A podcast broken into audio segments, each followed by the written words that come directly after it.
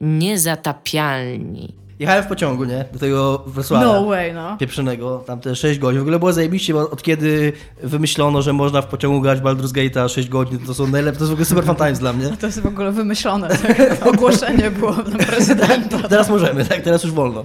I chciałem nawiązać do naszej dyskusji jakiś czas temu z podcastu na temat zajmowania swoich miejsc.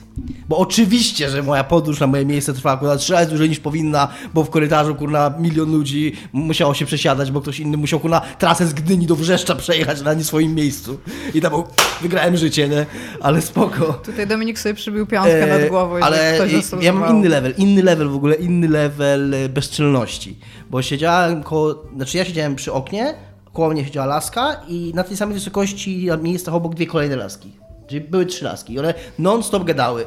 A ja grałem w Baldur's Gate'a, więc e, nie, tam nie ma cały czas muzyki, więc czasami musiałem niestety je słyszeć. I to było to... mm, Okej, no trzy gadające laski. No, tam nie, nie byłem uczestnikiem całej dyskusji, ale bardzo mi się podobał jeden moment, kiedy, w którym jedna z nich bardzo tak usilnie i tak y, dobitnie podkreślała i mówiła im, że nie ma czegoś takiego jak większa połowa, bo połowy są zawsze różne. Po Równe. Czym, po, równe, przepraszam. bo, bo połowy są zawsze równe, więc nie może być mniejsza i większa połowa. Yy, po czym po chwili zeszły na to, było faktycznie strasznie, było strasznie zimno w tym przedziale. I potem zeszło na tym, że, że no tak, a na pewno jak będziemy wracać, to trafimy do takiego, do takiego wagonu, gdzie będzie yy, super, będzie naj, w ogóle naj, najgoręcej. A, a, ta, a ta dokładnie, która przed chwilą mówiła o tych połowach, mówi na 150%. No ale dobra, to mniejsza o to. Nie o to, To nie była ta anegdota? to była- to była w ogóle poboczna anegdota.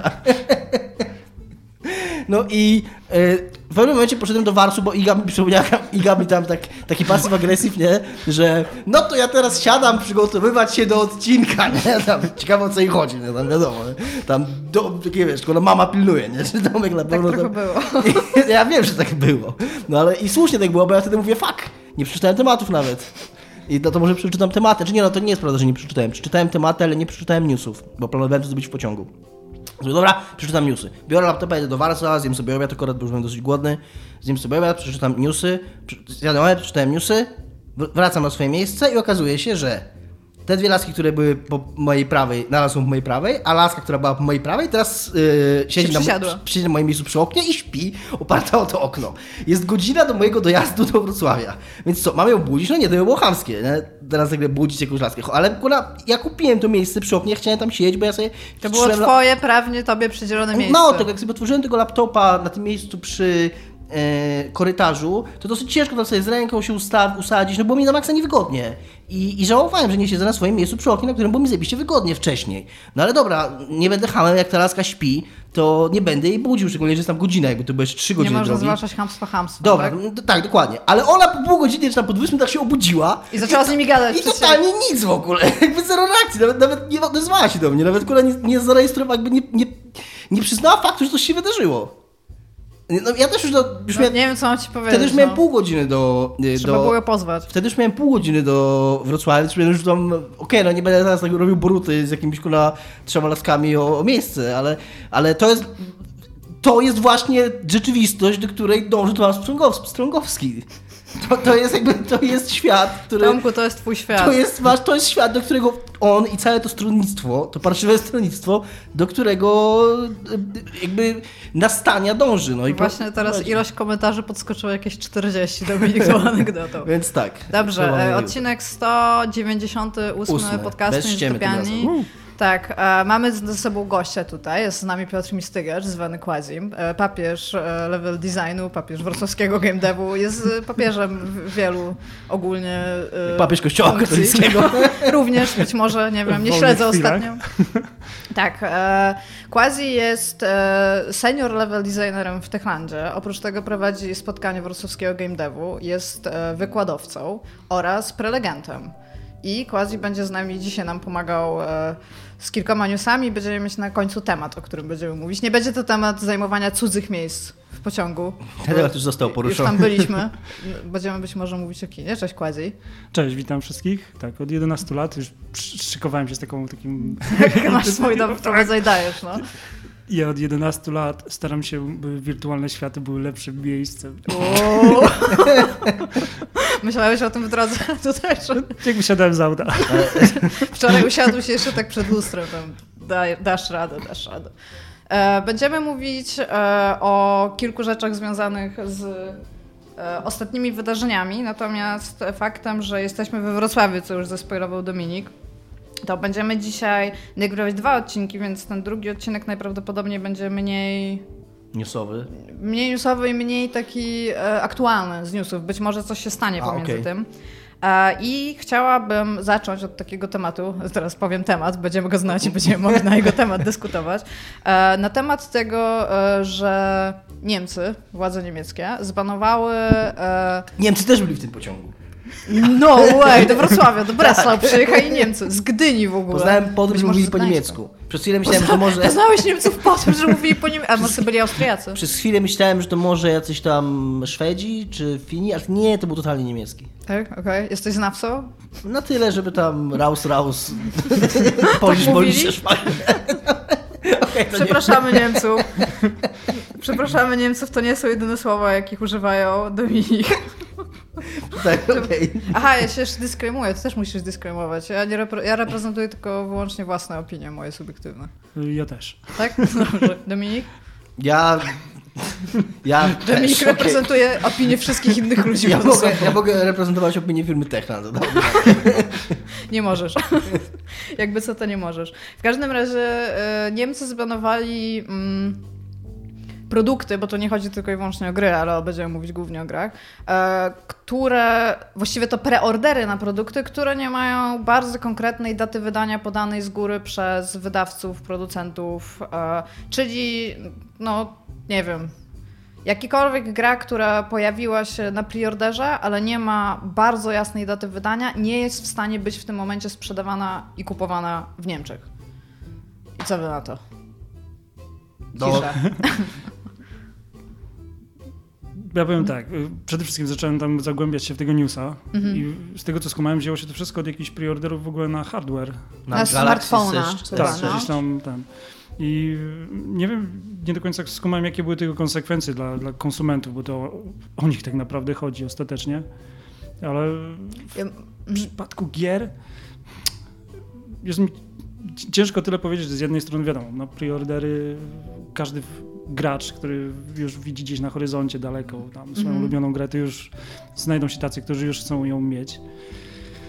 Czy to jest... Ja nie widzę w tym problemu.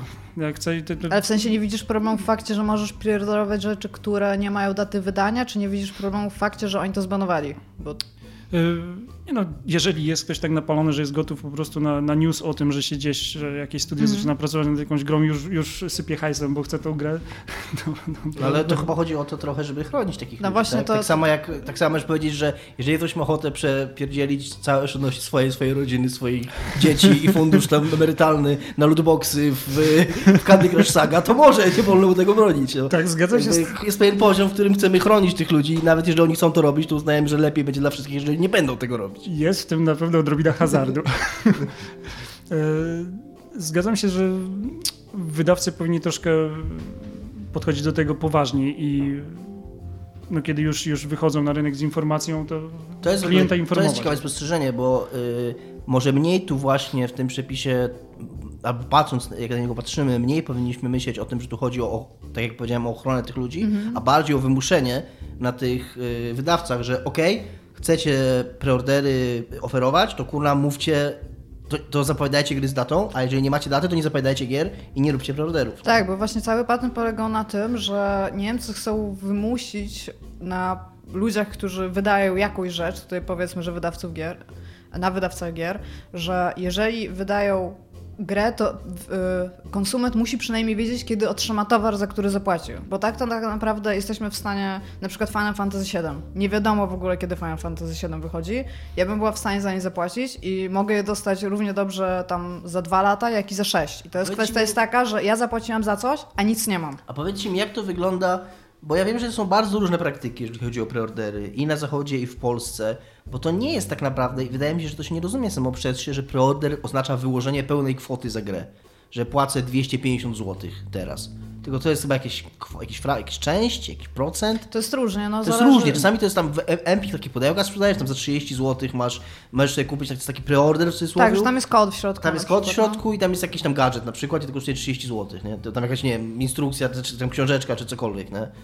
Znaczy, no patent polega na tym, że znaczy, nawet jeżeli płacisz część pieniędzy, to uwagę, jeżeli, Znaczy, okej, to... to co podałeś to jest i tak i tak moim zdaniem dużo bardziej uczciwe niż fakt zamawiania czegoś i po prostu dawania pieniędzy, czy to jest część nie, bo też pieniędzy, chodzi mi o to, że właśnie, że nawet, nie? wiemy, czy ten przypadek niemiecki dotyczy tylko przypadków, y, że robisz zamówienie przedpremierowe i płacisz całą kwotę, czy na przykład możesz zrobić Nie, to zamówienie... dotyczy jakichkolwiek Czyli nawet możliwości gdyby- zapłaty za preorder, nawet jeżeli byś płacił tam jeden euro, tak? Okej, aha, okej. Że ty... Ale jeżeli byłby za darmo, to nie, to mogę.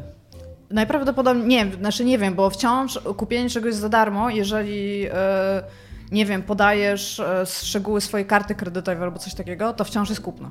Chyba, jeżeli Ale- chodzi o prawo. Okej, ale Nawet nie. jeżeli pieniądze jakby nie przeszły z ręki do ręki. A chodzi tutaj głównie o... E, Tutaj chodzi głównie o patent tego, żebyś nie wykładał pieniędzy i nie miał nawet obietnicy tego produktu, oprócz tego, że on się kiedyś, wiesz, w mglistej przyszłości pojawi, nie? To w ogóle produkuje też trochę problemów, bo w takim razie co na przykład z Kickstarterami?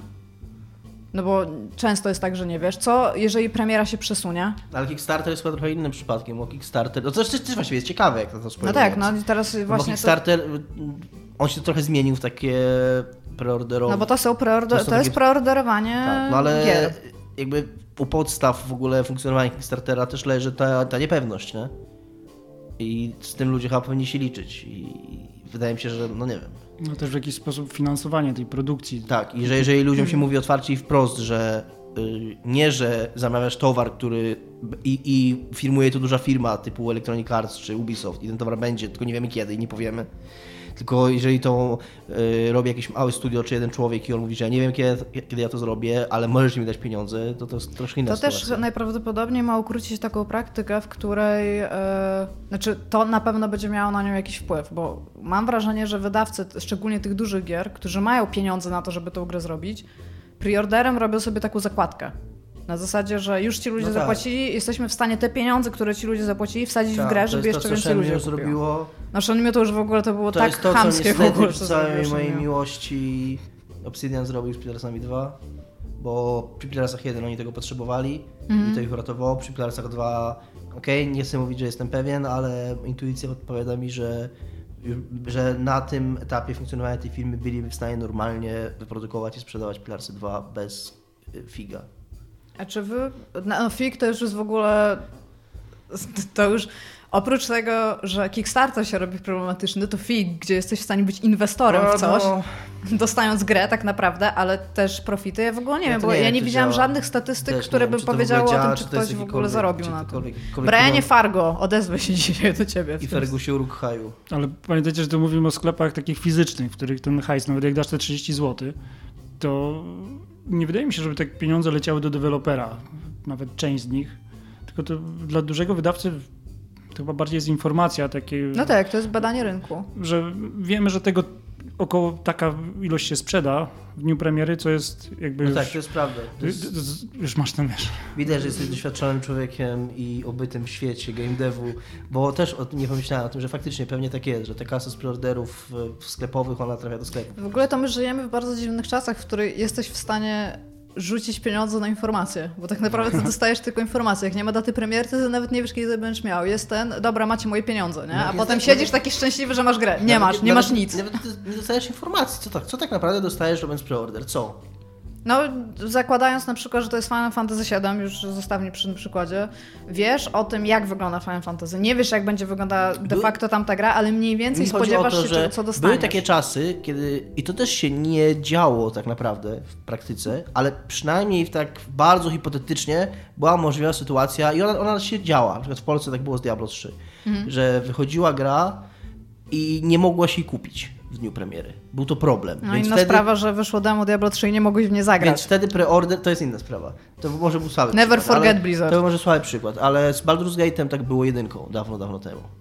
Yy, Że, yy, że tego się nie dało kupić w sklepach. I Wtedy to, się, to zamówienie przedpremierowe miało sens o tyle, że zapewniałaś sobie, że faktycznie zagrasz tą grę. Ale teraz w XXI wieku, kiedy jest dystrybucja cyfrowa i kiedy dystrybucja cyfrowa zabiera coraz większy kawałek, kawałek rynku, a jednocześnie absolutnie jestem przekonany, że nie będzie problemu nigdy z żadną dużą grą AAA, żeby ją kupić w dniu premiery w sklepie. W odróżnieniu od małych gier AAA. Jestem, ja, kurna, dam sobie, dobra, nie, da, nie, nie, nie dam sobie nic uciąć, absolutnie. nic sobie nie dam uciąć, ale y, jestem w stanie się założyć o niewielką sumę, tam, o, może nie 10 zł, ale o piątaka, o piątaka, O, że, jesteś bardzo pewien tego, co chcesz powiedzieć. że Final Fantasy VII jak wyjdzie kiedyś tam, to będzie to można kupić bez problemu w pudełku w dniu premiery, nie robiąc preorderu. Ale to też jest, wiecie co, taka strategia robienia, e, to Nintendo się bardzo często zarzuca, że to jest strategia robienia takiego myślenia o produkcie na rynku, że on, że go jest mało, że jesteś w elicie tego, że go dostaniesz. I robisz ten preorder dlatego, że mieć coś w dniu premiery, teraz jest kwestia tego, czy my chcemy mieć jeszcze gry w dniu premiery, gry w dniu premiery najczęściej nie działają. Jest, są problemy z grami w dniu premiery, Ale no, ludzie chcą mieć gry, gry w dniu premiery, tylko że właśnie o ile w przypadku sprzętu i tak, tak jak mówisz, Nintendo, Apple też to robi, e, to jest uzasadnione, bo to są rzeczy, których, których fizycznie można wyprodukować pewną, pewną liczbę, tak? Jak był ten typ, który kupił tego nowego iPhone'a ostatnio, co rozpakowywał go na wizji i mu wypadł. A nie widziałem tego. No i, no i masz, autentycznie masz jakąś tam moc przelewową tych fabryk i te, wiadomo, że z tymi fabrykami się podpisuje umowę tam powiedzmy na pół roku się wynajmuje linię montażową, czy na rok. I taki Apple, czy taki, taki Nintendo wie, że jakby oni sobie to liczą, nie? Oni, się licz, oni mają świadomość tego, że, te, że wyprodukują mniej niż są w stanie sprzedać, ale, nie, ale wiedzą, że w pewnym momencie ten rynek zostaje nasycony, a oni by za pół roku wylądowali z tyloma liniami montażowymi, żeby produkowali tego trzy razy więcej niż, niż tego jest potrzeba, nie? Więc oni zakładają to sobie liczą, ale z grami nie ma takich problemów. Powiedzcie mi jeszcze jedną rzecz, bo zacząłem sobie tak w głowie układać to. Czym jest tak naprawdę preorder? Bo kiedy ja napalę się na jakiś tytuł i widzę, już wiem, co będzie, za co płacę, w sensie, co będzie w tej pudełku. Na części jak kupuję na premierę, chciałbym coś więcej, czyli kupuję jakąś Kolekcjonerka. kolekcjonerkę właśnie jakąś. Wtedy wiem, co kupuję, ale kupuję to na pół roku nawet przed. No, Czy to jest preorder? tak. Czy No preorder tak. jest takie strzelanie w ciemno, że po prostu wiem, Nie, że... preorder jeżeli- to jest- To jest dosłownie pre-order, w sensie przedsprzedaż. Na zasadzie, że jeszcze nie możesz Tak, tego czyli- kupić, ale już za to Czyli zapłaciłeś. myślę, że bardziej problematyczne jest to, kiedy wydawca właśnie zaczyna, robi sobie z tego tani marketing, że Mhm. gdzieś tam ruszyliśmy z produkcją tego i tego, to już, już możecie zamawiać, tak? A tak naprawdę jeszcze z desek kreślarskich to nie zeszło, Ale nie nawet wiedzą, jeżeli co, to już zeszło, to znaczy, bo nawet jeżeli już wiesz, co, co będzie, to różnica jest tak naprawdę taka, że jeżeli nie wiesz, co będzie, to nikt jeszcze nie ma pojęcia, co będzie i nawet o tym nie pomyślał, a jeżeli ty niby już wiesz, co będzie, to tylko tyle, że jakiś grafik usiadł i zrobił wizualkę. I, i, I coś wymyślili, no ale na, nadal tego nie ma fizycznie, nadal te, produkcja tego nie ruszyła, nadal to nie jest w żaden Ja bym sposób... nawet ja bym bardziej- zdefiniowała preorder jako kupno czegoś, w co nie możesz automatycznie zagrać. Co nie możesz autentycznie wsadzić penisa. Jesus Christ, Dominik. Właśnie To jest, tak definiujemy w tym momencie opis na Wikipedii się zmienił. Dobra, ale, ale czekaj, a wersje cyfrowe? Okej, this is weird. To jest jakieś myślenie BioWare, dude. E, ale Quasi powiedział, że robi preordery. Quasi, czego robisz Ja preordery? właśnie sobie też zacząłem robić taki rachunek sumienia, ile gier tak naprawdę było takich, że chciałem już je mieć na premierę i jedyna rzecz, cofam się, cofam, cofam, to był chyba Battlefield 3. To dawno. Chociaż nie czekaj, bo teraz był pierwszy. Tak, to było bardzo To w dawno temu. przyszłości ogólnie, tak? Tak, część jeszcze waszych słuchaczy nie było na świecie. Battlefield Najprawdopodobniej. trzeci. Co to był za Battlefield? Ten już taki współczesny. Ten, nie w którego. Zbychu grał dużo w Okej, multiplayera. To ja chyba Tak. jeszcze nie, nie wiedziałem, że są strzelanki sieciowe wtedy. To, to były takie, wiesz, lata 60. No. Myślę, że od tamtego momentu już na tyle świadomie kupowałem i czekałem. Przecież czasy nowych konsol, first day patchy, wiadomo, że jak chcesz pograć w multi, to lepiej poczekać chwilę. Mhm. To, co Iga wspomniałeś wcześniej, te rzeczy najczęściej w pierwszym dniu nie działają. No tak, Więc no. to też, też ja jestem takim klientem, który musi sprawdzić 10 opcji, wybrać tą najlepszą, a może... A powiedz o Monster Hunterze Quasi. Bo ja myślę, że ty z Dominikiem możecie założyć w ogóle jakąś sekcję ekonomiczną, jak oszczędzać na grach. Ale, ale czy jesteś z Białego Stoku? Yy, tak, yy, więc ja bardzo długo sobie się, się zastanawiam, najczęściej jak już wiem i nauczyło mnie niestety to, żeby wyczekać chwilę, zobaczyć jak y, tak naprawdę produkt się już pojawi na rynku, jak y, co się z tym dzieje. Bo zapew... No zapewnienia marketingowe tak. to, jest, to, jest, to jest z reguły jedna rzecz, jednak rzeczywistość weryfikowana jest przez graczy, przez to jak, jest, jak to jest odbierane, czy to działa, czy nie działa. Swoją drogą na marginesie No Man's Sky teraz wychodzi. No Man's Sky, no ten duży patch. Duży patch, podobno dużo nowych rzeczy, przy okazji wychodzi na Xboxa, więc w ogóle cieszę się, że nie grałem, że nie miałem PlayStation wtedy. Ja cały czas mam tą grę, którą kupiłam tylko po to, żeby zrobić in your face, że będzie zła, bo cały czas tak mówiłam, więc ją kupiłam. Co nie ma totalnie Trochę, sensu. trochę teraz czekam na nią, trochę tak... Yy... No Man's Sky to jest bardzo dobry przykład tego w ogóle, w jaki sposób, yy, w sensie dlaczego preordery są złe. No Man's Sky zrobiło dużo pieniędzy na preorderach, bo wszyscy ludzie byli tym podjarani. No i gra wyszła je- tak jak wyszła i nagle wszyscy się obudzili, że kurde, może to nie było mądre ją zamawiać Tak. od razu zamiast I przeczytać twórcy, recenzję. zrobili, twórcy na szczęście zrobili to, co powinni zrobić i siedzą nad tą grą i ją rozwijają i dodają do niej nawet rzeczy, których nie obiecali i które będą nowe. Oni, mia- oni mieli taki zły PR Ale w pewnym to- momencie, że Jesus Christ, oni się pewnie bali wychodzić z domu z naszymi, kurde, e, z podejściem graczy do twórców. Słyszałeś już, a Szpak wrzucił to wczoraj na Face'a, a propos. Wycho- Co wrzucił szpak na face'a? Y, że typ, który dostał jakiś y, nową serię Batmanie do robienia, dostał, jak to, gdyż internet i gdyż fani kurna popkultury, dostał groźby śmierci. Y, I Ale czekaj, no, film, komiks? komiks. No. I na San Diego Comic Conie przydzielono mu ochroniarza, który za nim łazi. Bo, no bo kurna człowiek dostał groźby śmierci faktycznie, nie? Także kurna... Ja nawet nie wiem, co ja mam powiedzieć. nie? To, to jest ten moment, że wszyscy ludzie, którzy mówią... Jak, Puśćcie ten zlew. że ilekroć tak, ilekroć wchodzą te dyskusje, których ja chciałem uniknąć i być, mam nadzieję, że ich unikniemy, ale trochę liznę tylko ten temat.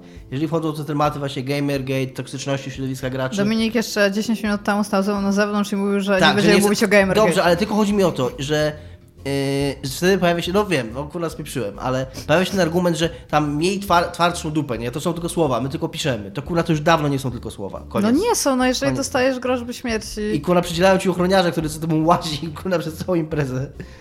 Ja, ja dostałam bardzo, du- ja dostaję do dzisiaj bardzo dużo hejtów ogólnie tam prywatnie. No i tam okej, ja już, że tak powiem, mam twardszą dupę, no ale wciąż to, to nie jest nice guys Nie tak ogólnie, no nie jest. Ale wracając do... Do preorderów? Właśnie przez chwilę byłem w jakimś Ja wam, powiem, miejscu. ja wam powiem, ja pre- preorderowałam jedną rzecz, którą sobie jestem w stanie w tym momencie, oprócz wspierania niektórych kampanii na Kickstarterze i nie powiem, że wszystkie w ogóle wyszły te gry, które wspierałam, co jest not cool, ale tam spoko. Liczyłam się z tym ryzykiem. Ja preorderowałam na przykład figurkę Figmy Pyramid Heada, bo ona miała wyjść w bardzo ograniczonej ilości egzemplarzy, liczbie egzemplarzy nawet, pewnie była policzalna, skoro była ograniczona. E, I ja ją specjalnie do tego preorderowałam, bo po prostu tak działała, niekiedy tak działały rzeczy Wolny rynek. kolekcjonerskie. Nie, no bo tutaj nie chodzi mi o to, że nie mogłam jej kupić w edycji cyfrowej, mogłam jej kupić centralnie tylko z tego jednego sklepu jakby, nie?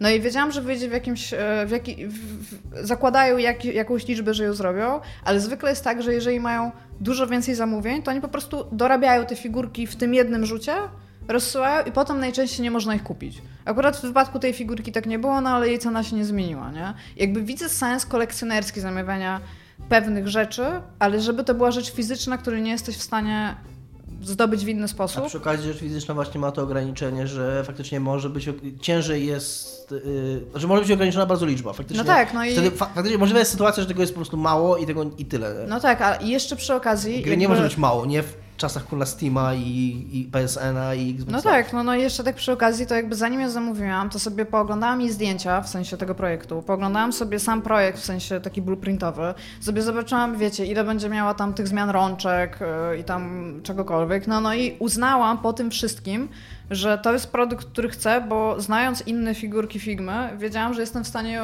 że ona, wiedziałam jak będzie wykonana jakby, nie? I jakby tutaj widzę jeszcze sens, ale preorderowanie czasu, tak naprawdę, czasu zabawy, no bo gry są jakimś czasem, który się kupuje, żeby gdzieś i coś, gdzieś być i coś robić. W momencie, kiedy ty nie masz zielonego pojęcia na temat tego, co tak naprawdę to będzie, możesz tylko zakładać. I czy to będzie działało, bo wielokrotnie jest pokazane. Jest, jest ludzie, nie preorderujcie rzeczy, no. To nie jest tak, że wyjdzie gra w ilości pięciu egzemplarzy i w liczbie pięciu egzemplarzy. Nie umiem dzisiaj ilość i liczba. I że nie będzie potem dostępna. No nie ma w ogóle takiej możliwości. Nie ma. Tak? Zgadzacie się ze mną? Tak. A Dominik, co ty preorderowałeś? Nie pamiętam, czy kiedykolwiek cokolwiek preorderowałem. Preorderowałem tak, ale wtedy miałem na 15 lat i tak naprawdę to mój tata preorderował Baldur's Gate 1. I to jest ta anegdota, którą w ogóle opowiadałem w odcinku kiedyś tam, przynajmniej raz już. E, I nie wiem, czy od tego... I to było zasadzie zajebiście, bo tej gry po prostu nie było wtedy. A, yy, przy okazji... Bo teraz te gry, które preorderujemy są. Są, nie, no tak. Znaczy w sensie chodzi o to, że nie było, że po, po premierze ona bardzo szybko nakład cały i faktycznie to była taka sytuacja, że... że To ta- CDP się nachapali wtedy, nie? U nas. Słucham? CDP u nas to wtedy wydawali. Tak, CDP wydawali, bo to, y, o tym mówił y, Iwiński w tym No klipie? no klipie, Mhm. gdzie po raz pierwszy usłyszałem liczby. A, wspominałem o tym już, jakie to Czy ilości? liczby sprzedanych egzemplarzy i jaki to jaka to była skala sukcesu. Tak, no i się na tym wybili, no. 80 tysięcy egzemplarzy. W Polsce w 98 roku gry. To teraz jest niezła sprzedaż kuna w Polsce gry. Popraw mnie, nie wiem. Quasi masz Nie- wszystkie, e, wszystkie liczby w przed głowie. sobą. Nie, nie, nie, nie będę strzelał liczbami, ale tą historię też właśnie kojarzę z tego, że to też logistycznie to był jakiś dramat. Tak, dla tak, nich. tak. No oni na początku, na początku w ogóle mieli chyba 4000 egzemplarzy. Oni nie mieli gdzie trzymać w ogóle, tak, nie? Tych, gdzieś tam w ogóle w egzemplarzy. biurze mieli, zalegały im te pudełka, tak. No i... ym, więc tak, no, ale wtedy to były inne czasy, inna, inne realia. Nie wiem, czy cokolwiek preorderowałem do tego czasu.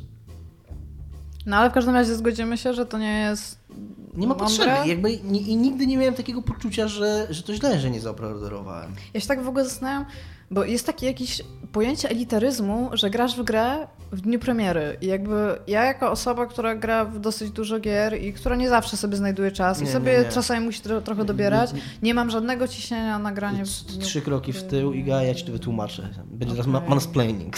Mansplain. Mansplain. This to me, no. Ja się tam... Okej, jestem laską, więc proszę, no. Wie- się nie znam. nie wiesz, o czym mówisz. E, Tu nie chodzi o elitaryzm i o poczucie tego, tylko ja tak mam i wiem, że wielu ludzi tak ma, e, potrzebę uczestnictwa w wydarzeniu i frajdy z uczestnictwa w wydarzeniu. Jeżeli to jest duża gra, na którą ktoś czekał, którą dla mnie na przykład było Pillars of Eternity 2, e, czy którą dla mnie było Final Fantasy 15, to mi nie chodzi tylko o to, że, że ja, czy ja w to zagram teraz, czy ja zagram za miesiąc, tylko ja chcę w to grać, kiedy mam to poczucie, że wszyscy w to grają, bo czuję się wtedy taki stadny instynkt bycia w tej grupie, która razem coś odkrywa, jest fajny. No. To jest takie bardzo w głowie. Nawet w singlu. Tak, nawet w singlu i nawet nie uczestnicząc, nie uczestnicząc w żadnych A dyskusjach. ja mam nawet odwrotnie, lubię jak ten hype opadnie. Już Okej, są no memy, ale- już są artykuły, ja sobie wtedy mogę grać, przejść i to wszystko przeczytać. To jest Jak cool. Monster Huntera, kiedy... No Właśnie jak miałem- tam twój Monster Hunter? Trzeci mo- poziom, myślę, że już kończę grę. Opowiedzieć. Masz trzeci poziom, musisz kończyć grę? To nie, Jaki tam nie masz. system progresji, jakiś bardzo dziwny. System progresji w Monster Hunterze, to szybko od razu powiem, jest kapowany przez misje, które robisz, a potem jak skończysz te, mi- tam, masz tam siódmy, tam ósmy, dziewiąty i nagle potem jak to wszystko przejdziesz, masz tam 130. Bo robisz te levele w tle, natomiast nie, y, jakby przez to, że jest kapowany, to on ci nie pokazuje, jaki masz level, więc masz dużo wyższy niż trzeci, uwierz mi. Ale quasi opowiedz historię o tym, jak, szuka, jak To znalazłeś jest właśnie tak, jak, jak, jak, jak wiesz, leci ten hype train, wszyscy w nim już siedzą, ty biegniesz za tym pociągiem, bo już jest dawno po premierze. I bardzo chcesz dołączyć do tego grona. metaforę.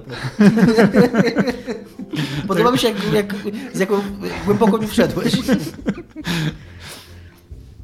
Tak, i, I ten pociąg jedzie przez Ja, Szczecin. czy- czy- czy- czy- czy- czy- i dojeżdża do Białego Stoku i tu jesteśmy.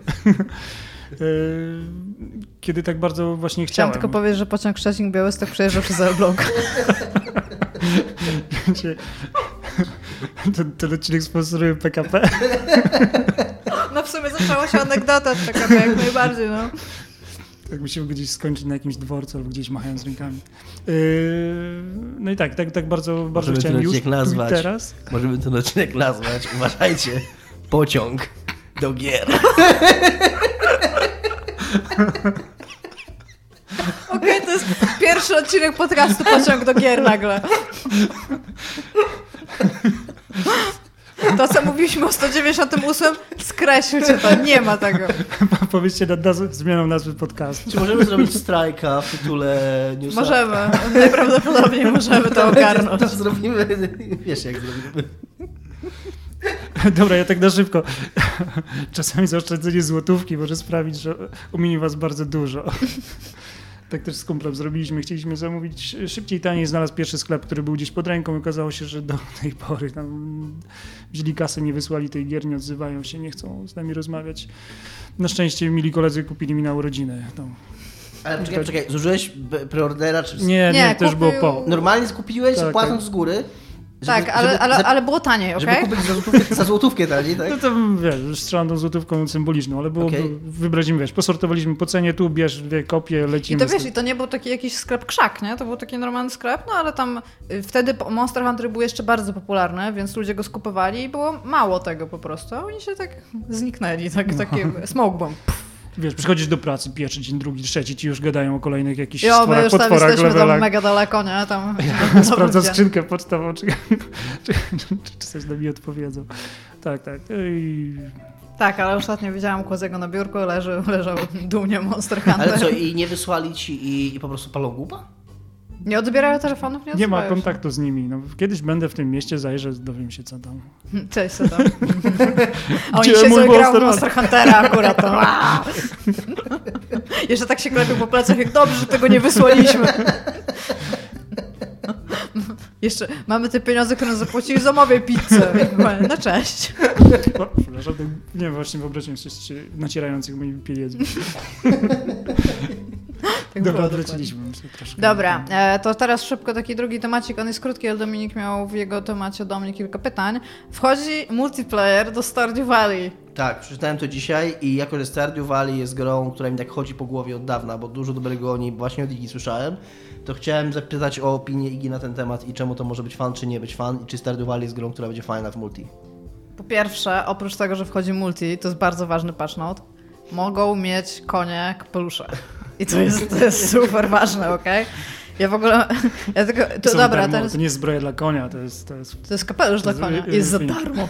W sensie nie trzeba płacić dodatkowych cebulionów, żeby je dostać, nie? To jest w patchu po prostu. Ja bym chciała powiedzieć tutaj taką anegdotkę, która jest dosyć smutna, więc ją wam szybko opowiem. Otóż ja grałam bardzo dużo w Harvest Moona, nie? I pierwszy Harvest Moon, w którego grałam, a Stardew Valley jest bazowana na Harvest Moonie, pozwala ci mieć konia na farmie, ale tylko w pierwszy dzień tego, jak masz farmę. Możesz wyjść do miasta i wziąć konia, nie? Na, na Nintendo 64. Ja tego nie zrobiłam. I potem sobie przeszłam całą tą grę, tak jak tam wszystkie tam jakieś romanse porobiłam i tam whatnot. Po czym się dowiedziałam tam z artykułów i gameplayów, które oglądałam, że ten koń to w sumie jest bardzo cool rzecz, której ja nigdy nie mogłam zdobyć. W Więc- to nie jest tak, że tylko przez jeden dzień można było go mieć, ale tylko przez jeden dzień można było... w, w grze mogłeś pójść pierwszego dnia i dostać konia, I miałaś a ja tego nie I zrobiłam. miałeś na całą grę. Tak, a ja okej. tego nie zrobiłam i się czułam tak bardzo szukana, jak to, że w Shadow of the Colossus nigdy nie zabijam jaszczurek i nie jadą jabłek, Ja nie nie? wiedziałem, że tam są jakieś jaszczurki. Ja właśnie też tego nigdy nie skumałam. Teraz jak drugi raz gram, to zobaczyłam, że rzeczywiście są i się im świecą ogony jak psu jajca i tak okej, dobra, z- skleiłam to teraz, nie? Ale tak to nic. Tak samo jak... W HD lepiej widać. pewnie. No. I yy, w Mirror's Edge'a nie podnosiłam broni, to też jest cool. Ostatni... Nie, nie chcę o tym rozmawiać. Mam z tym his- Masz był, historię z Mirror's Edge'a? Totalnie będziemy o tym rozmawiać teraz. Teraz tak, no, dajesz. był czas, kiedy ja byłem bardzo wkręcony w achievementy. I jak ja przeczytałem, że mogę przejść tą grę bez strzelania, stwierdziłem, że tak to zrobię. Ja, ja dostałam ten achievement. Kiedy pod pokazał koniec- faka. kiedy pod koniec gry w jakiejś bardzo, bardzo, za, tam była intensywna akcja, Tak. wciskałem te guziki tak jak szalony i w pewnym momencie w moich rękach znalazła się broń, chciałem ją wyrzucić, wcisnąłem przycisk strzał, zabiłem kolesia, który stał przede mną. Wyszedłeś z domu. Nie mogłeś Niektórzy mówią, że ciągle nie wróciłeś. Nie mogłeś wtedy checkpointa, albo dać się zabić, albo cokolwiek? Nie no to...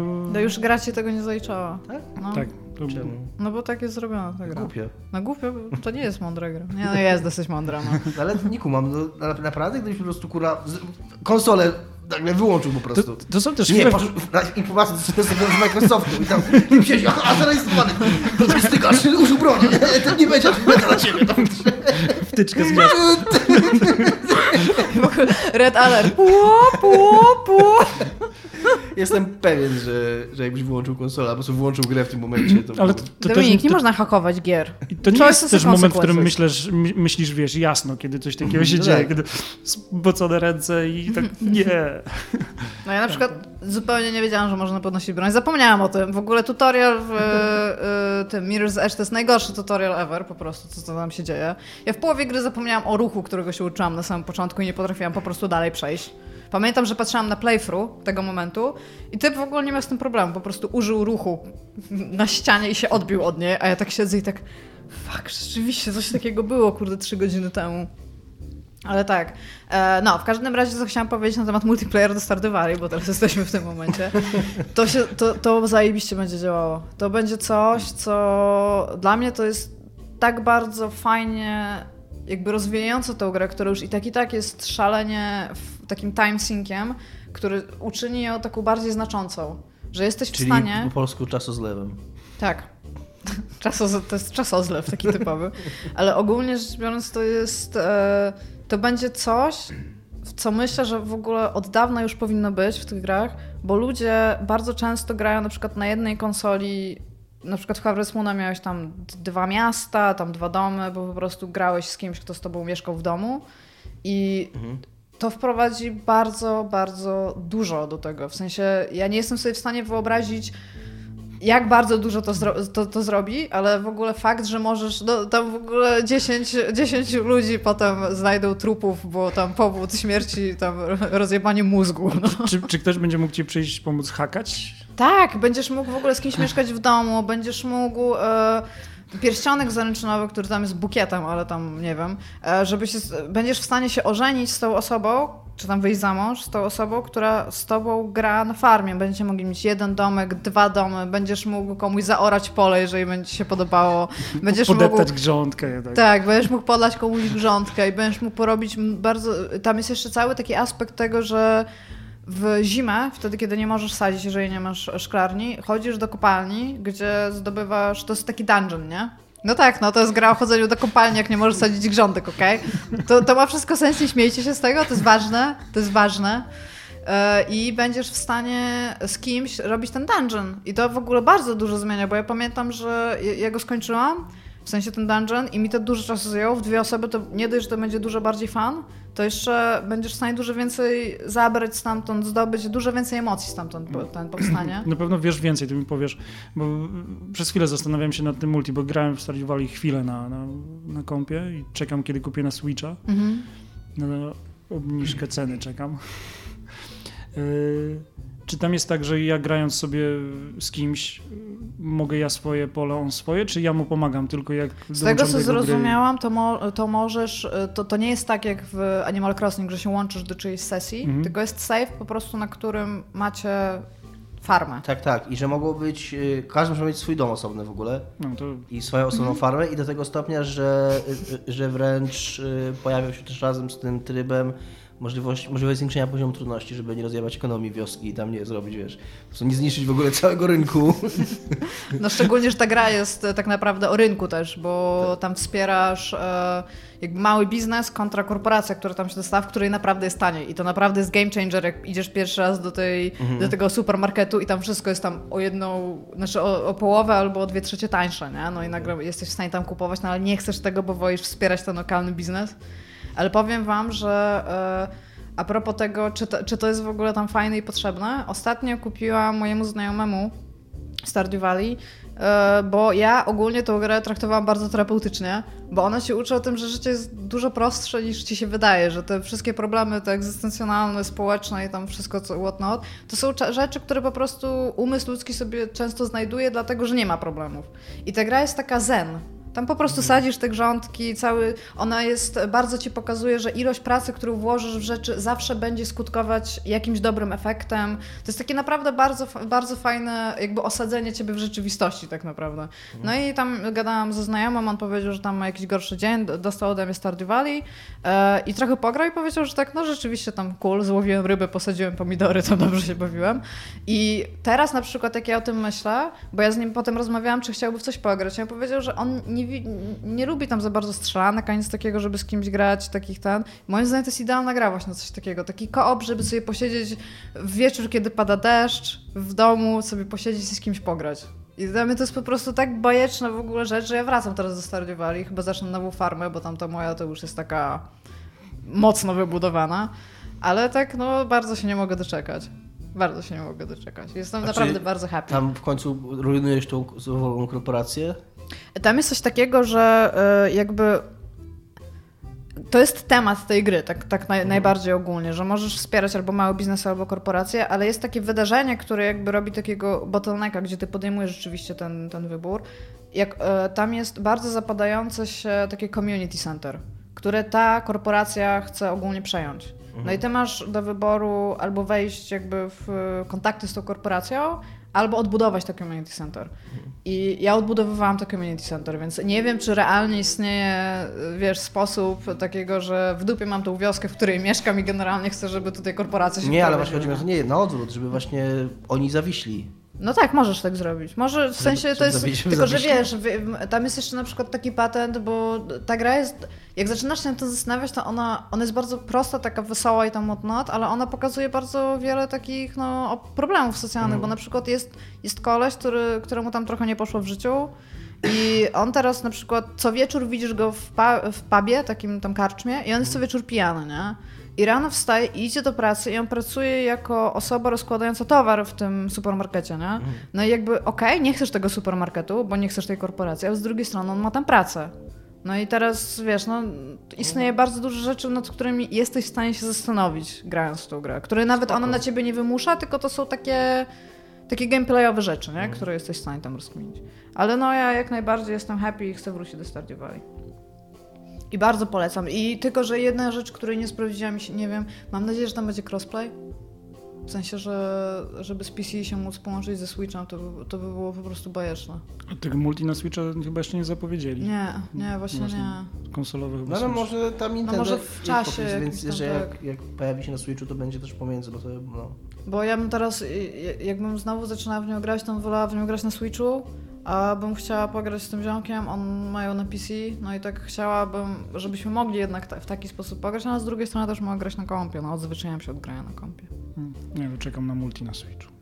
Dobra, dobra, to będziemy, e, bo ty ten, bardzo bym chciała w ogóle trochę, po, ten, tylko że ja wiem, że ja będę takim strasznym trollem, jak ja w to będę grać. Ja, ja już widzę, jak ja Ale nie że z tobą. wykopuję, że będziesz grał ze mną, bo już zamówiłam. Chcę grać ze wszystkimi. Dobrze, to bym chciała przejść do tematu. Czy jeszcze ktoś chce coś powiedzieć na odnośnie do... Mówi się odnośnie do, dzisiaj się dowiedziałam. Tak, tak się mówi. Nie wiedziałam o Poprawnie. tym. Wiedziałeś o tym, że mówi się odnośnie do, a nie mówi się odnośnie czegoś, tylko odnośnie do czegoś? Jakieś cz- 15 sekund temu się dowiedziałem. A, nieźle, nie? synchronizowanie To jesteś to- mądrzejszy ode mnie od 15 sekund. Ale się na tym zastanowić, to ma to sens, bo odnosisz się do czegoś. Tak, ale nie brzmi to w ogóle, bo wszyscy Ale strasznie to kaleczą. Jak zaczniesz to używać, to już zaczyna brzmieć po chwili. No ja, to, ja dobrze. to staram się frustować na poligamie od jakiegoś czasu. Czyli w takim razie chciałabym e, porozmawiać. Quasi miał dosyć duże doświadczenie w kwestii prowadzenia warsztatów, edukowania e, game devów na temat tego, jak, jak robić gry. A jako, że jest temat, który nie jest podejmowany tak często, jak mi się wydaje, że powinien być, a jeżeli, jest podejm- jeżeli ktoś podejmuje ten temat, to raczej są to ludzie spoza branży tak zupełnie, czyli jakieś tam publicystyka bardziej, można powiedzieć publicystyka obyczajowa? No taka ogólna Nie. jakby, nie? Że na zasadzie, że na przykład edukacja na zasadzie takiej, że ktoś wprowadził gry, żeby uczyć matmy dzieci w szkole albo coś takiego. Ja bym chciała porozmawiać na takich, e, Dominik stał i poszedł, na takich e, trzech jakby poziomach. E, najpierw edukowanie w samym kwestii tego, jak devów uczyć game devu, bo wiem, że wykładasz na uczelniach, ale też masz prelekcje do ludzi, którzy już robią grę na temat No, Tych, tego. którzy chcą robić gry też. No, ale no to właśnie mówię, że jakby, tym, że jakby uczysz ludzi, którzy chcą robić gry, ale, te, ale też wykładasz, znaczy jesteś prelegentem dla ludzi, którzy już gry robią, więc Tak, e, też, się też. doedukowują. E, Ale też chciałam porozmawiać na temat tego, w jaki sposób jakby wy myślicie, że można by było bardziej edukować odbiorców i społeczeństwo odnośnie gier, bo tego też Iga, potrzebujemy. Ty zawsze to robisz. Kurna, ja robię wszystko, żeby po cichu, żeby nie ten, żeby Ja, nie... ja lubię mówić, ja lubię, żeby ludzie wiedzieli, co się dzieje. Ale tak, potem dopiero jak to powiedziałam, to się skumałam, że miałam tego nie robić. Przepraszam. Spoko, Tutaj spoko. dyskretnie zerknę na swoje notatki, bo do punktu edukacji odbiorców tak, mam zapisane, że to, to jest pytanie zupełnie nie do mnie, nie do dewelopera tak naprawdę. To mam wrażenie, że to nie do deweloperów. To ja bym chciała, żebyśmy o tym bardziej porozmawiali w takim bardziej ogólno, ogólnej rzeczy jakby. Co, co uważacie, że jak się powinno w ogóle edukować odbiorców? Ale bym Tego- chciała zacząć od deweloperów. Właśnie, może przejdźmy od deweloperów. Z, de z deweloperami, przyszłymi deweloperami, czyli którzy chcą robić gry, czyli bardziej nie tych, E, bo już... wykładałeś e, game design ogólnie, czy to był level design już specyficznie? Ja, ja się specjalizuję w level designie, a level design jest tak, tak tak, zahacza ale o wszystko, że, że, Prowadziłeś często zarówno warsztaty, jak i takie wykłady ba- bardziej teoretyczne, teoretyczne. tak. Tak. na, na uczelniach prywatnych, państwowych i zapotrzebowanie jest ogromne. Ludzie, ludzie chcą wiedzieć, jak się robi gry. Ci, którzy robią, Mhm. chcą je robić lepiej, chcą, chcą tę wiedzę gdzieś skądś ściągać i No i co? No. I wow, sorry, nie ma. Nie, no, Nie dzielimy się wiedzą. największy problem, jak ja w tym widzę, to to, że im bardziej doświadczony deweloper jest w danej dziedzinie, w, który naprawdę ma, ma tą wiedzę, doświadczenie ogromne, jest w tym momencie bardziej zajęty, bo robi kolejne produkcje i tą wiedzę wykorzystuje tak naprawdę na tym obszarze y, podstawowym dla niego. I to sprawia, że jest niewielu ludzi, z devów, którzy chętnie, chętnie, bo musimy zdawać sobie spra- sprawę z tego, że ci, którzy zajmują się w jakiś sposób edukowaniem innych, poświęcają masę swojego prywatnego czasu, bo to się robi po, po godzinach, po pracy. No tak. Trzeba przygotować materiały i, i to musi wyjść od, od człowieka. Tak sobie Od- teraz myślałem e, a propos tego, co powiedziałeś, że może to jest też y, konsekwencja tego, że to jest ciągle bardzo młode medium i że jak ci ludzie, o których ty teraz mówisz, którzy są tacy topowi, jak oni już będą mieli powiedzmy 60 lat albo 70 lat i im się po prostu nie będzie chciało, no może 70 nie, ale też 60 załóżmy, nie? I już im się nie będzie chciało i, wte, i wtedy będzie ten moment dla nich, że na przykład będą chcieli się tą wiedzą dzielić, tak jak w ten czy inny sposób. No i je- jest duża szansa na to, że właśnie kiedy już, już będą zmęczeni tą, tą Tak. co- co- codzienną pracą, no to wtedy tak, to jest idealne miejsce dla nich i, i tak naprawdę y, roboty nie, nie, nie będzie im brakowało. I to na jakie problemy czasami trafiałem, co, mnie- co mnie zaskakuje, to są ci ludzie właśnie, którzy, wspomniałeś o ludziach z zewnątrz, którzy zaczynają Mhm. gdzieś tam coś, coś o, o grach mówić, robić, kiedy mają, nie mają tej praktycznego doświadczenia, tego bycia, robienia rzeczy, bo wiadomo, ktoś, kto liznął game devu, liznął, w sensie mam na, na, na myśli, no popracował trochę, Mhm. przynajmniej jeden produkt ma już za sobą, Nie mam na myśli lizania. Dosłownie. Lizanie game devu not cool. I to, to, to zupełnie są dwie różne kwestie. W sensie gadanie to teore- teoretycznie o tym, jak robić gry, a o tym, jak, jak naprawdę Jakby się... usiąść do silnika i już i zacząć, zacząć coś robić, to są dwie, dwie różne rzeczy i tego drugiego potrzebują ludzie, jeżeli chcą. Zacząć e, tak naprawdę gdzieś e, zahaczyć się, zacząć pracę w game devie, ci, którzy chcą podnieść tak naprawdę się gdzieś, gdzieś jeśli chodzi o, o swój skill i, i wymianę wiedzy. Na Ale mówisz, że jest chęć, jest zapotrzebowanie ogólnie tak, jest, jest ogromny, jest dużo, dużo rzeczy takich się już y, potworzyło. Uczelnie państwowe starają się.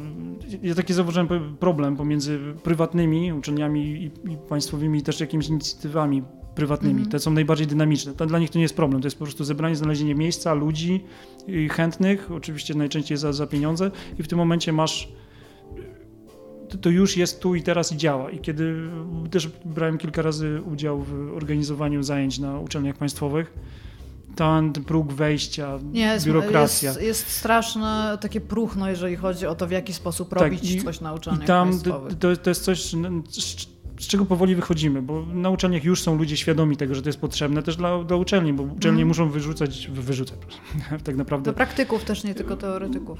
ludzie, którzy kończą te uczelnie, byłoby idealnie, żeby byli już wiedzieli coś, ten zawód mogli podjąć. No po to one są tak naprawdę, żeby Mhm. podszkolić ich i to, już są specjaliści gdzieś w jakichś dziedzinach, a nie ludzie z, z ulicy. I to cały, cały czas trwa, powstaje w bólach, przynajmniej na uczelni- uczelniach e, państwowych są takie le- lepsze i, i, i gorsze. Nie chcę tutaj oceniać tej uczelni, Mhm. jakby ża- żadnymi na- nazwami tutaj rzucać, ale to jest coś, czego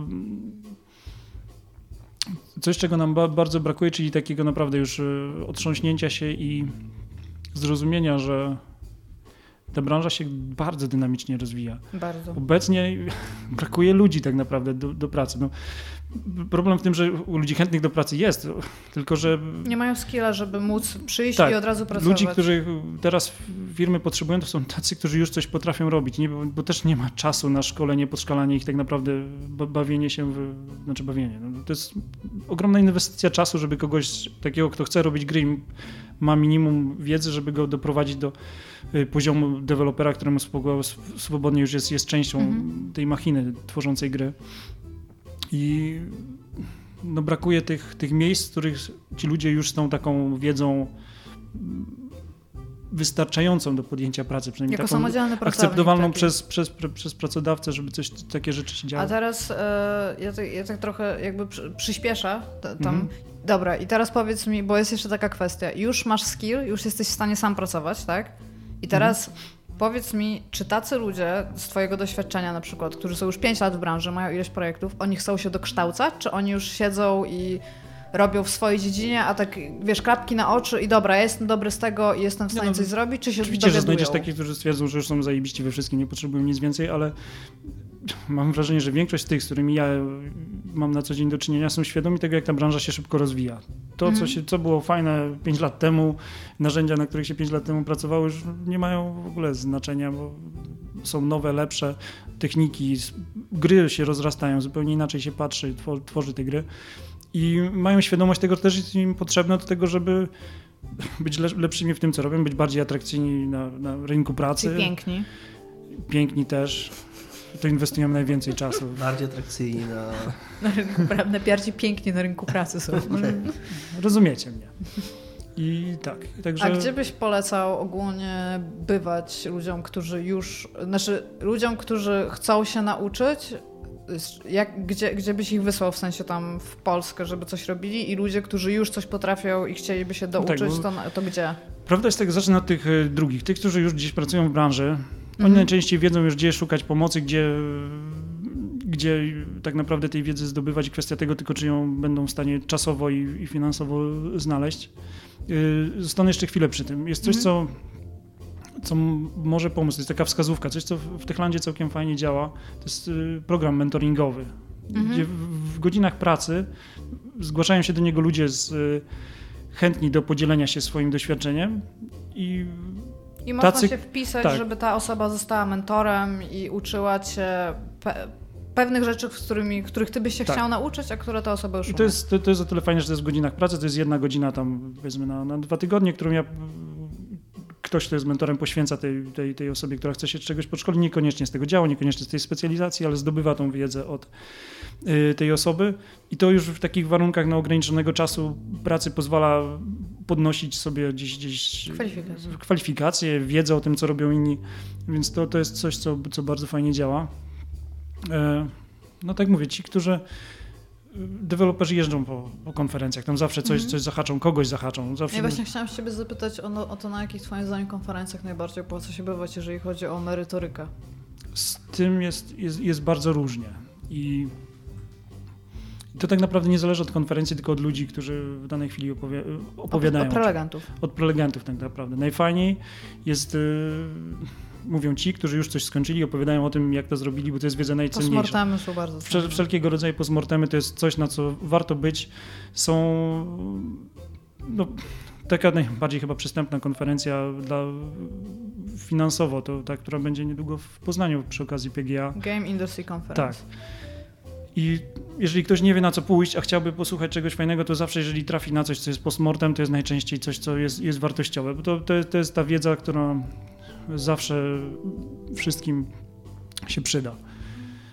Część rzeczy jest takiej, że po prostu no, deweloperzy opowiadają o rzeczach, które mhm. wydają się mi, e, sam mam to wiem po sobie, że są rzeczy, które mi się wydają zajebiście istotne i się okazują, że są tylko dla bardzo wąskiego grona.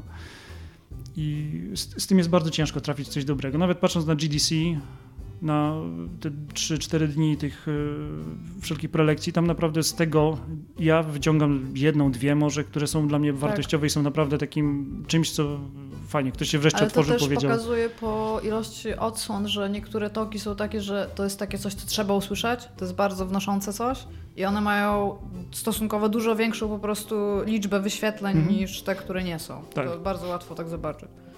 Tak, także przede wszystkim jakieś konferencje. Są, są powoli, tworzą się też prywatne inicjatywy, które doszkalają warsztaty dla deweloperów. Ja wiem, że w Poznaniu jest to Poznań Game. Jak się to nazywa? PGG? Taki... Już twierdzy? Chodzi mi o, jest taka inicjatywa, fioletowo-biały y, ten branding mają, ale kurde nie pamiętam jak się nazywa. Co, co byliśmy na tej imprezie? No, między innymi też to współorganizowali, no. Gildia graczy? Nie. Poznańska Gildia Graczy? PGG mi się, wydaje, wydaje, że to jest. No.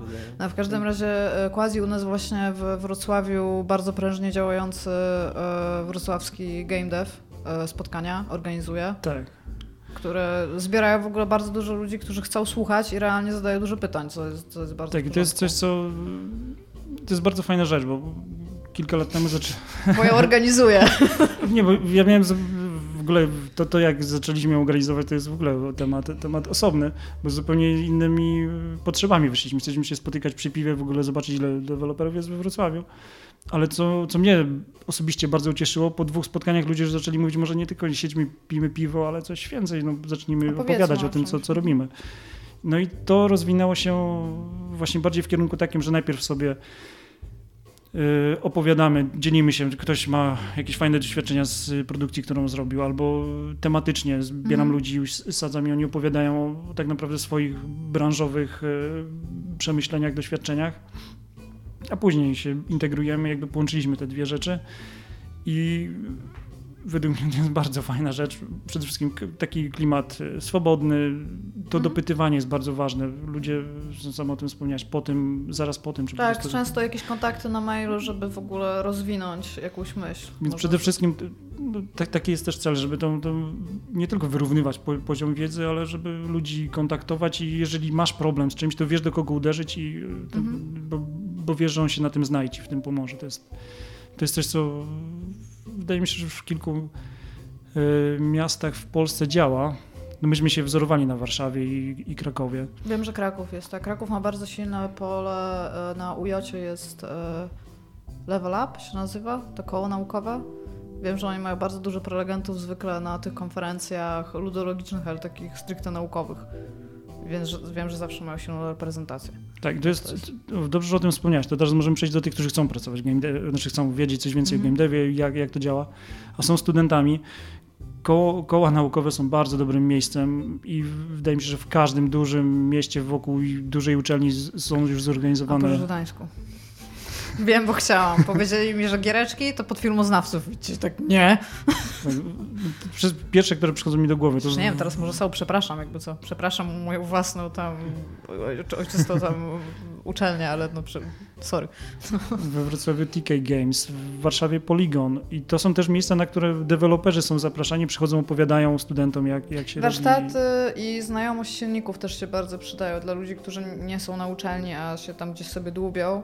Jeżeli potraficie silnik, jeżeli potraficie w nim działać, to już często macie takie nice to have, że tak powiem. No tak, to jest taki, taki już, już fragment bazowego skillsetu, mhm. który jest, jest przydatny dla dewelopera. No, no tak, nadal problem jest taki, że nie możesz po prostu kończyć liceum i mówisz, chcę iść na, na, na Politechnikę. Na chcę iść robić grę, idę na informatykę. To się powoli się dzieje. Robi, nie? Tak, ale to się bardzo... Ja tak chciałam iść, więc... A i są, właśnie przypomniałem sobie jeszcze, że... Ale teraz znowu sobie grać w gry i idą na informatykę. to też tak ludzie mają. No. E, uczelnie artystyczne też, koła wszelkie, na które są zapraszani twórcy, artyści z mhm. branży gier, którzy prowadzą te warsztaty, uczą ludzi, kierują ich bardziej w kierunku tego, jak też ich umiejętności można nakierować właśnie na... No i co zrobiłeś? Koniec. No. Usuwamy cały podcast, jeszcze raz. No, z okazji prawie sobie mikrofon będzie i tak na siebie. Jakby Smooth. Problem mam taki, że jakby się rozgadam, to opowiedzieliśmy. Gadaj, o... gadaj właśnie. Zaprosiliśmy cię wcześniej i mieli teraz swoje 5 minut. Tam. To się nie powtórzy prędko, więc korzystaj. Nie, problem z tym, że jak skaczę z tematu na temat. Znaczy, to... bo ja jeszcze chciałam, nie wiem ile mamy czasu, bo nie widzę. 3 minuty. Aha, no to jeszcze szybko przeskoczmy teraz, bo e, może w takim razie edukowanie odbiorcy nie jest aż tak stricte ważne w tym momencie, ale chciałam się Was zapytać o coś takiego. Ja może zacznę od anegdoty ten temat, dobra? Bo mamy taki dosyć duży problem, w którym wie, wiem, jak gry mniej więcej funkcjonują w publicystyce ogólnej, ale jako, że my sami trzymamy głowę jakby w tej dupie tego naszego getta, który sobie zrobiliśmy, czyli gracze, dziennikarze growi, twórcy growi. I nam się wydaje, że bardzo dużo ludzi sobie zdaje sprawę z tego, co to są gry, a mało ludzi sobie zdaje sprawę z tego, co są gry i grają w to.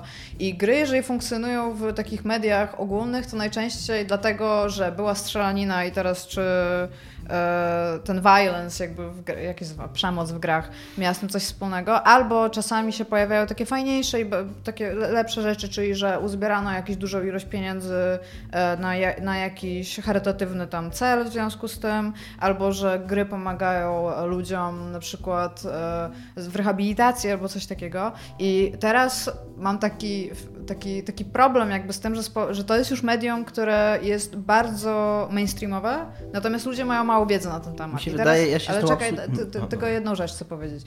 Więc stoję w Empiku, już chyba mówiłam o tej historii. Stoję w Empiku, jest taki dzieciak na oko, nie wiem, 11-10 lat, no młodszy, ale nie małe dziecko i on trzyma w ręku tego Tifa, który wychodził na PlayStation 4, o którym wszyscy zapomnieli, a to jest jedna z niewielu gier, które tam używa tego touchpada chyba z tego co pamiętam do strzelania z łuku. No i to jest PEGI 16, nie? No i tam okej, no najprawdopodobniej nie jest to nie wiadomo jak Gori gra albo coś takiego, no ale się patrzę, bo on stoi przede mną w kolejce, no i babka go tam normalnie kasuje, no i ja tam tak mówię, ale staram się powiedzieć bardzo grzecznie, bo mi głupio było w ogóle to zapytać. No i się jej pytam, czy pani sprawdziła, że to jest PEGI 16, a tutaj no, dzieciak ewidentnie nie ma 16 lat, nie? Czy tam się zapytać, albo tam czy z rodzicem. I ona mi mówi, że przecież mama stoi tam. Ja widzę, że mama stoi przy wejściu do Empiku i na komórce coś sprawdza, nie? No to rzeczywiście zainteresowana mega. No i e, czy ona się mnie pyta, czy ja będę mieć z tym jakiś problem. Ja mówię, że nie mam z tym właściwie problemu, ale że czy, czy pani nie była do szkoły, w sensie, czy po, nie powiedzieli wam jako sprzedawcom, że wy powinniście informować na przykład rodziców na temat tego, że jakiś ośmiolatek, nie wiem, kupuje GTA 5 już powiedzmy, nie? I ona powiedziała, że tak, no ale ona nie widzi tutaj problemu. No ja już tam w ogóle zbakofowałam, bo to już się zrobiło dosyć agresywne. I teraz jest kwestia tego, że my potrzebujemy jakiegoś większego większego informowania z, z takiego ogólnego społeczeństwa na temat tego, co jest w grach i czym są. Żeby nie pojawiały się tylko informacje na temat sceny tortur z GTA 5. Teraz mi się przypomniało, że Ja to szybko, bo już będziemy kończyć, e, więc szybko powiem, że ja się z Tobą zgadzam generalnie, oczywiście, że tak. E, I teraz powiem to, co chciałem powiedzieć wcześniej, bo, bo to nadal pasuje, co chciałem powiedzieć, że mi się wydaje, patrząc na e, ilekroć się gry pojawiają w mainstreamowych mediach, to że jest ciągle olbrzymi problem tego, że mainstreamowe media nie zadają sobie, bardzo rzadko widać w tych mainstreamowych mediach, kiedy mówią o grach, że oni w ogóle, nawet nie o to chodzi, czy oni wiedzą, co dokładnie w tej grze jest, ale że oni nawet nie wiedzą, czym tak naprawdę gry są w swojej istocie. Że nawet, Tak, że że nawet, że nie ma, że ciągle nie ma, nieświadomość nie ma, ciągle nie ma takiej, takiego poczucia, że jeżeli ktoś mówi o grach, to ty wiesz, że on w jakąś grę w życiu grał, że on zna, mniej więcej wie, jakie gry w tej chwili są popularne, mniej więcej orientuje się, taka wiedza podstawowa, jak masz o kinie czy muzyce, Mhm. że tam wiesz, co jest hitem lata, wiesz, jaki film teraz jest w skinach i, i wiesz, co mniej więcej z tym filmem się działo, jak na niego pójdziesz, tak? Yy, czy jak ta muzyka będzie brzmiała, jak sobie włączysz ją. A mam takie wrażenie, że ci ludzie, że większość taka, taki ten masowy, yy, masowy Odbiorca? odbiorca ciągle nie wie, tylko nie gier, tylko taki powiedzmy konsument no ogólnie tam, wszystkiego, tak, tak, tak, no. ciągle nie za bardzo Masa. czuje, nie za bardzo czuje, czym te gry tak naprawdę są i, i nie za bardzo chce to czuć, więc ilekroć tylko usłyszy jakieś tam sceny tortur, to sobie wyobraża nie wiadomo co i właściwie trudno nam nawet sobie wyobrazić, co on sobie wyobrażał. I jeszcze w związku z tym miałam takie pytanie do ciebie, Quasi, bo ty jesteś oprócz tego, że devem, to jesteś jeszcze ojcem i masz dwójkę dzieci. E, teraz e, spoiler alert to był być może. E, I kojarzycie Penny Arcade, nie? Wiem, wiem że kojarzycie Penny Arcade. E, Gabe stamtąd, czyli Mike chyba, tak? Teraz, kurde, teraz się zaczęłam zastanawiać. No ale w każdym razie to ten. To nie, on. Mike to jest Taiko Właśnie Mike chyba. to jest Gabe też mi się to tak jest, wydaje. y, Dobra, zaraz sobie przypomnimy. Dobra. W każdym razie on e, wielokrotnie występował na tych PDA, w sensie... Nie, Taiko jest... Nie, dobra, okej, już już... Tak, to jest, dobra, Dobra, no. Gabe, okej? Gabe. Tak, Gabe. E, on wielokrotnie pisał w takich newsach, które tam czasami mają e, teksty po prostu tam też, oprócz komiksów pod komiksami odnośnie czegoś. I on wielokrotnie występował na tych takich e, parents, teachers, e, tam konferen- nie, konferencjach, tylko tam takich spotkaniach, które są w szkole, gdzie on mówił po prostu rodzicom jako tam osoba, która zna się na grach i tworzy ten cały packs and shit. E, a propos tego, jakie gry są. W sensie, na co zwracać uwagę, w jaki sposób w ogóle z dziećmi grać w gry. I czy ty coś takiego, na przykład szkoła do ciebie kiedyś wyciągnęła rękę, albo zauważasz jakieś zapotrzebowanie, albo ty, twoje dzieci są jeszcze pewnie za małe, żeby w ogóle coś takiego... Wiesz co, y, to, to jest fajne, bo jedyną no- notkę, którą miałem do tego a propos edukowania Mhm. ludzi, nie odbiorców, ale ludzi, no, a propos powiedzmy kategorii wiekowych, zapisałem sobie kampanie społeczne. Mam wrażenie, że to jest coś, co to musi dotrzeć do bardzo szerokiego grona, przynajmniej uświadomić Mhm. ludzi, czym są te oznaczenia na, z tyłu pudełka, a tak głębsze spojrzenie na to, czym są gry, jakie są rodzaje gier, żeby uświadomić ludzi, to jest, to jest gruby, ciężki temat. I ja przez chwilę nad tym myślałem. Pierwsza myśl była taka, no, trafiłem w tym momencie, w mojej myśli, w najbardziej popularne media, te, te wizualne, nieczytane, niepisane, w sensie, żeby docierać do ludzi w ten sposób. Właśnie, mm, tylko to muszą być naprawdę nie oszukujmy się, ludzie muszą chcieć, chcieć poznać, co, co No to tak. jest. Na siłę im tego do głowy nie wkładasz. Jeżeli nie ma wokół tego jakiejś e, afery, no to w wiadomościach o tym nie usłyszysz, więc to, to musi być, wychodzi naprawdę od ludzi chęci i opowiadania o tym i o, o świadomości tego, że, że warto. Wydaje mi się, że w Polsce na gry troszeczkę otworzył oczy społeczeństwu Wiedźmin III, bo to było coś, co było po prostu w jakiś sposób zjawiskiem, oprócz tego, że Mhm. było grą. A cały patent tego, w jaki sposób tam w wywiadach, w mainstreamowych mediach się na ten temat wypowiadał Sapkowski, też troszeczkę rzucił światło ogólnie Ale gry. obawiam się, że gdybyś wzięła losowego człowieka na ulicy i spytała go, czy słyszał o grze Wiedźmin, powiedziałby tak, i czy ona była sukcesem, powiedziałby tak, że była sukcesem. A co się w tej grze Wiedźmin robi? Nie no, ja sobie... Mnie po prostu chodzi o to, że wiesz... Takie is- podstawowe, jakby o co, jakby jaka jest istota tej gry, co? Tak, tak, tak, jakby kumam to, z tym, że dla, dla mnie ważne jest już nawet takie coś, No że, że to już jest tak. jakiś krok w jakąś stronę, nie? To, że, i to, to, że ty zauważasz, jaki ten krok jest mały, no to tak, tylko się po prostu tak zastanawiam, że dla mnie logicznym jest fakt, że bardzo dużo dzieci raczej zna, a nie nie zna gier. Ich rodzice, na przykład patrząc po tym, jak, jak ja miałam, nie? W, w moim domu. Ja wiem, że to jest bardzo zły przykład, bo to już było dawno temu i nie było całej tej kultury streamingowej, a nic takiego, nie?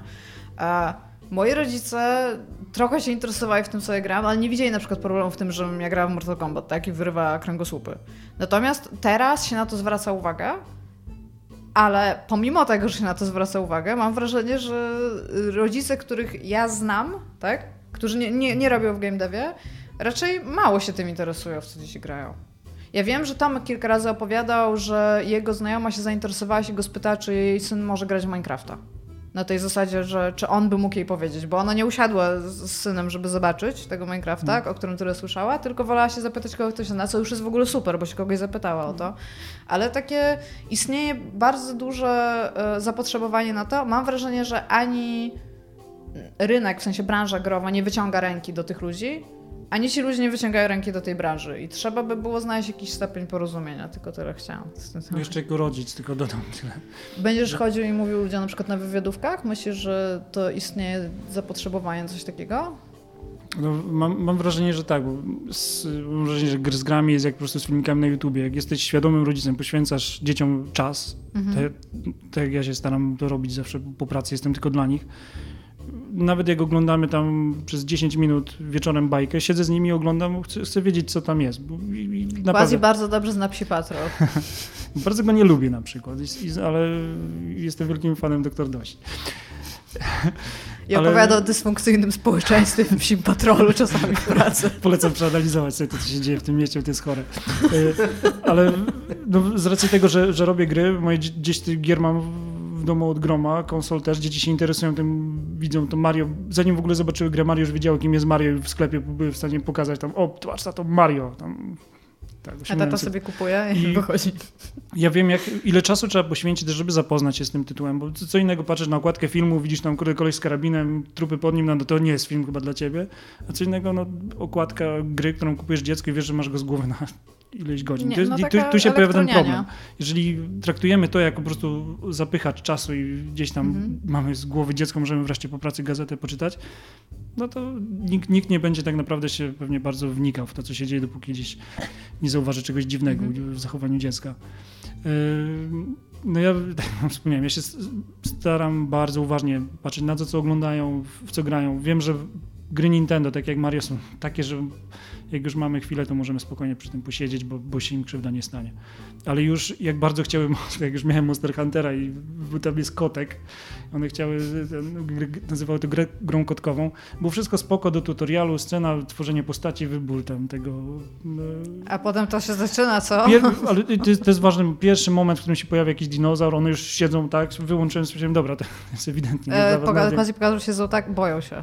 W tak, sensie, okej. ten, ten, ten, więc to, to jest też coś, co no, no, będąc tam widziałem to, więc warto, warto, to apel do rodziców, żeby być tam, patrzeć na to, co robią mimo wszystko. No, jeżeli się nie znamy, to zobaczyć w ogóle, co to jest, Mhm. co, co, co robią. Więc y, tak, to, to wymaga niestety od rodziców nakładu y, czasu i zainteresowania Trzeba się siedzieć się z tymi dziećmi, co? Jak się nie ma?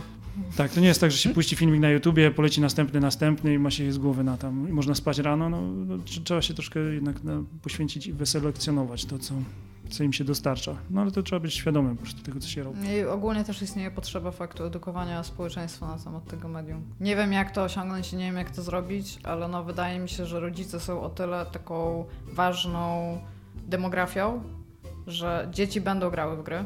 Właśnie może od takich rzeczy, jakie dzieją się tutaj, o ludziach mówiących o grach, piszących o grach, to jest też coś, co sobie zanotowałem, że Mhm. no, jakby wiadomo, że społeczeństwo cały czas się rozwija, starzeje i teraz do tych ludzi, którzy grają, słuchają o grach, jeżeli będą do nich mówili, pisali ludzie, którzy mówią o tym świadomie, czym jest to medium, jak działa, nie tylko, że warto to kupić, to jest może ten moment, w którym w głowach zacznie im się układać, że kiedy będą już mieli dzieci, będą bardziej świadomie patrzyli na, rozróżniali tytuły, wiedzieli w co, w, co jest lepsze dla nich, co, jak, jak duże spektrum tak naprawdę są gry, że może właśnie na tych kilku poziomach to, to, co tu się dzieje, to jest właśnie też jedna z tych rzeczy, która rozwija, mam wrażenie. Jesteśmy ważni. Tak. Robimy ważne rzeczy. No dobrze, to chyba y, tyle pociąg do gier. Okazuje się niebywałym sukcesem właśnie w tym momencie. Dojeżdżę do stacji końcowej i żegnamy się e, teraz z wami. Proszę w zabrać tym bagaż, tak. Cześć. I życzymy miłej podróży. Pa! Do zobaczenia.